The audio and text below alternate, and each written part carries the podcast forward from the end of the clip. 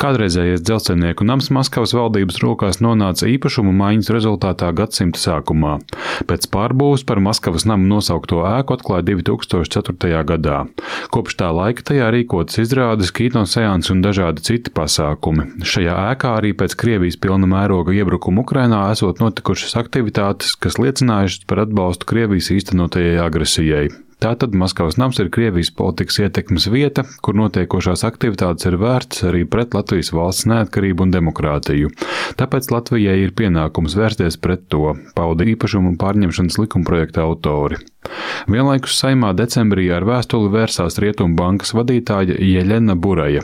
Šī banka jau dažus gadus pirms Krievijas iebrukuma Ukrainā lēmusi aiziet no Krievijas un Baltkrievijas tirgus, tomēr bankai šajās valstīs ir iepriekš sāktas saistības. To izbeigšana ir sarežģīta, jo Krievija iesaldējusi Eiropas valstu komersantu, toskat arī Rietumbankas aktīvus. Maskavas nama pārņemšana var dot agresoru valstī pamatu nacionalizēt šos aktīvus, brīdinājusi Buraja. Runa ir par lielām summām. Rietumbankas riska pozīcija pret Krieviju pirms gada bija 129 miljoni eiro, bet pret Baltkrieviju 18 miljonu eiro.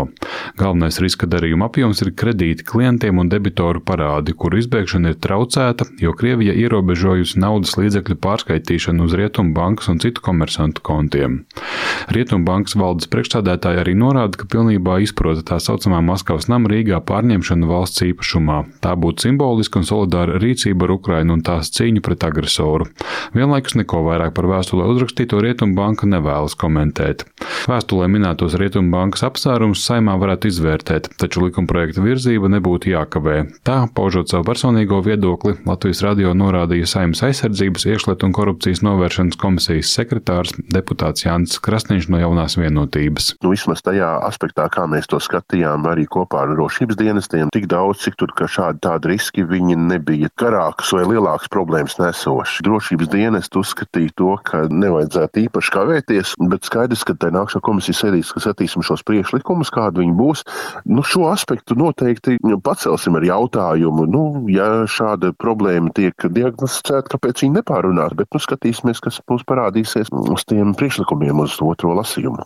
Savukārt likumprojektu izstrādātāju Saimnes Nacionālās drošības komisijas priekšsādātāja vietnieks Jānis Dombrava no Nacionālās apvienības vērtē, ka Rietumbankas vēstulē lasāmais nevar būt par iemeslu saimai jau kā kavēties ar Maskavas nama pārņemšanu kāda Komercbankai daļa gar valsts lēmumu attiecībā par Krievijai tieši piedarošu īpašumu. Tur nav runa par Krievijas eh, uzņēmumu īpašumu atsavināšanu, kur es vēl varētu saskatīt kaut kādu iesaistu, bet te ir nu, izteikti gadījums, kad eh, viena komercbanka cenšas iejaukties eh, jautājumā, kas skar divu valstu attiecības.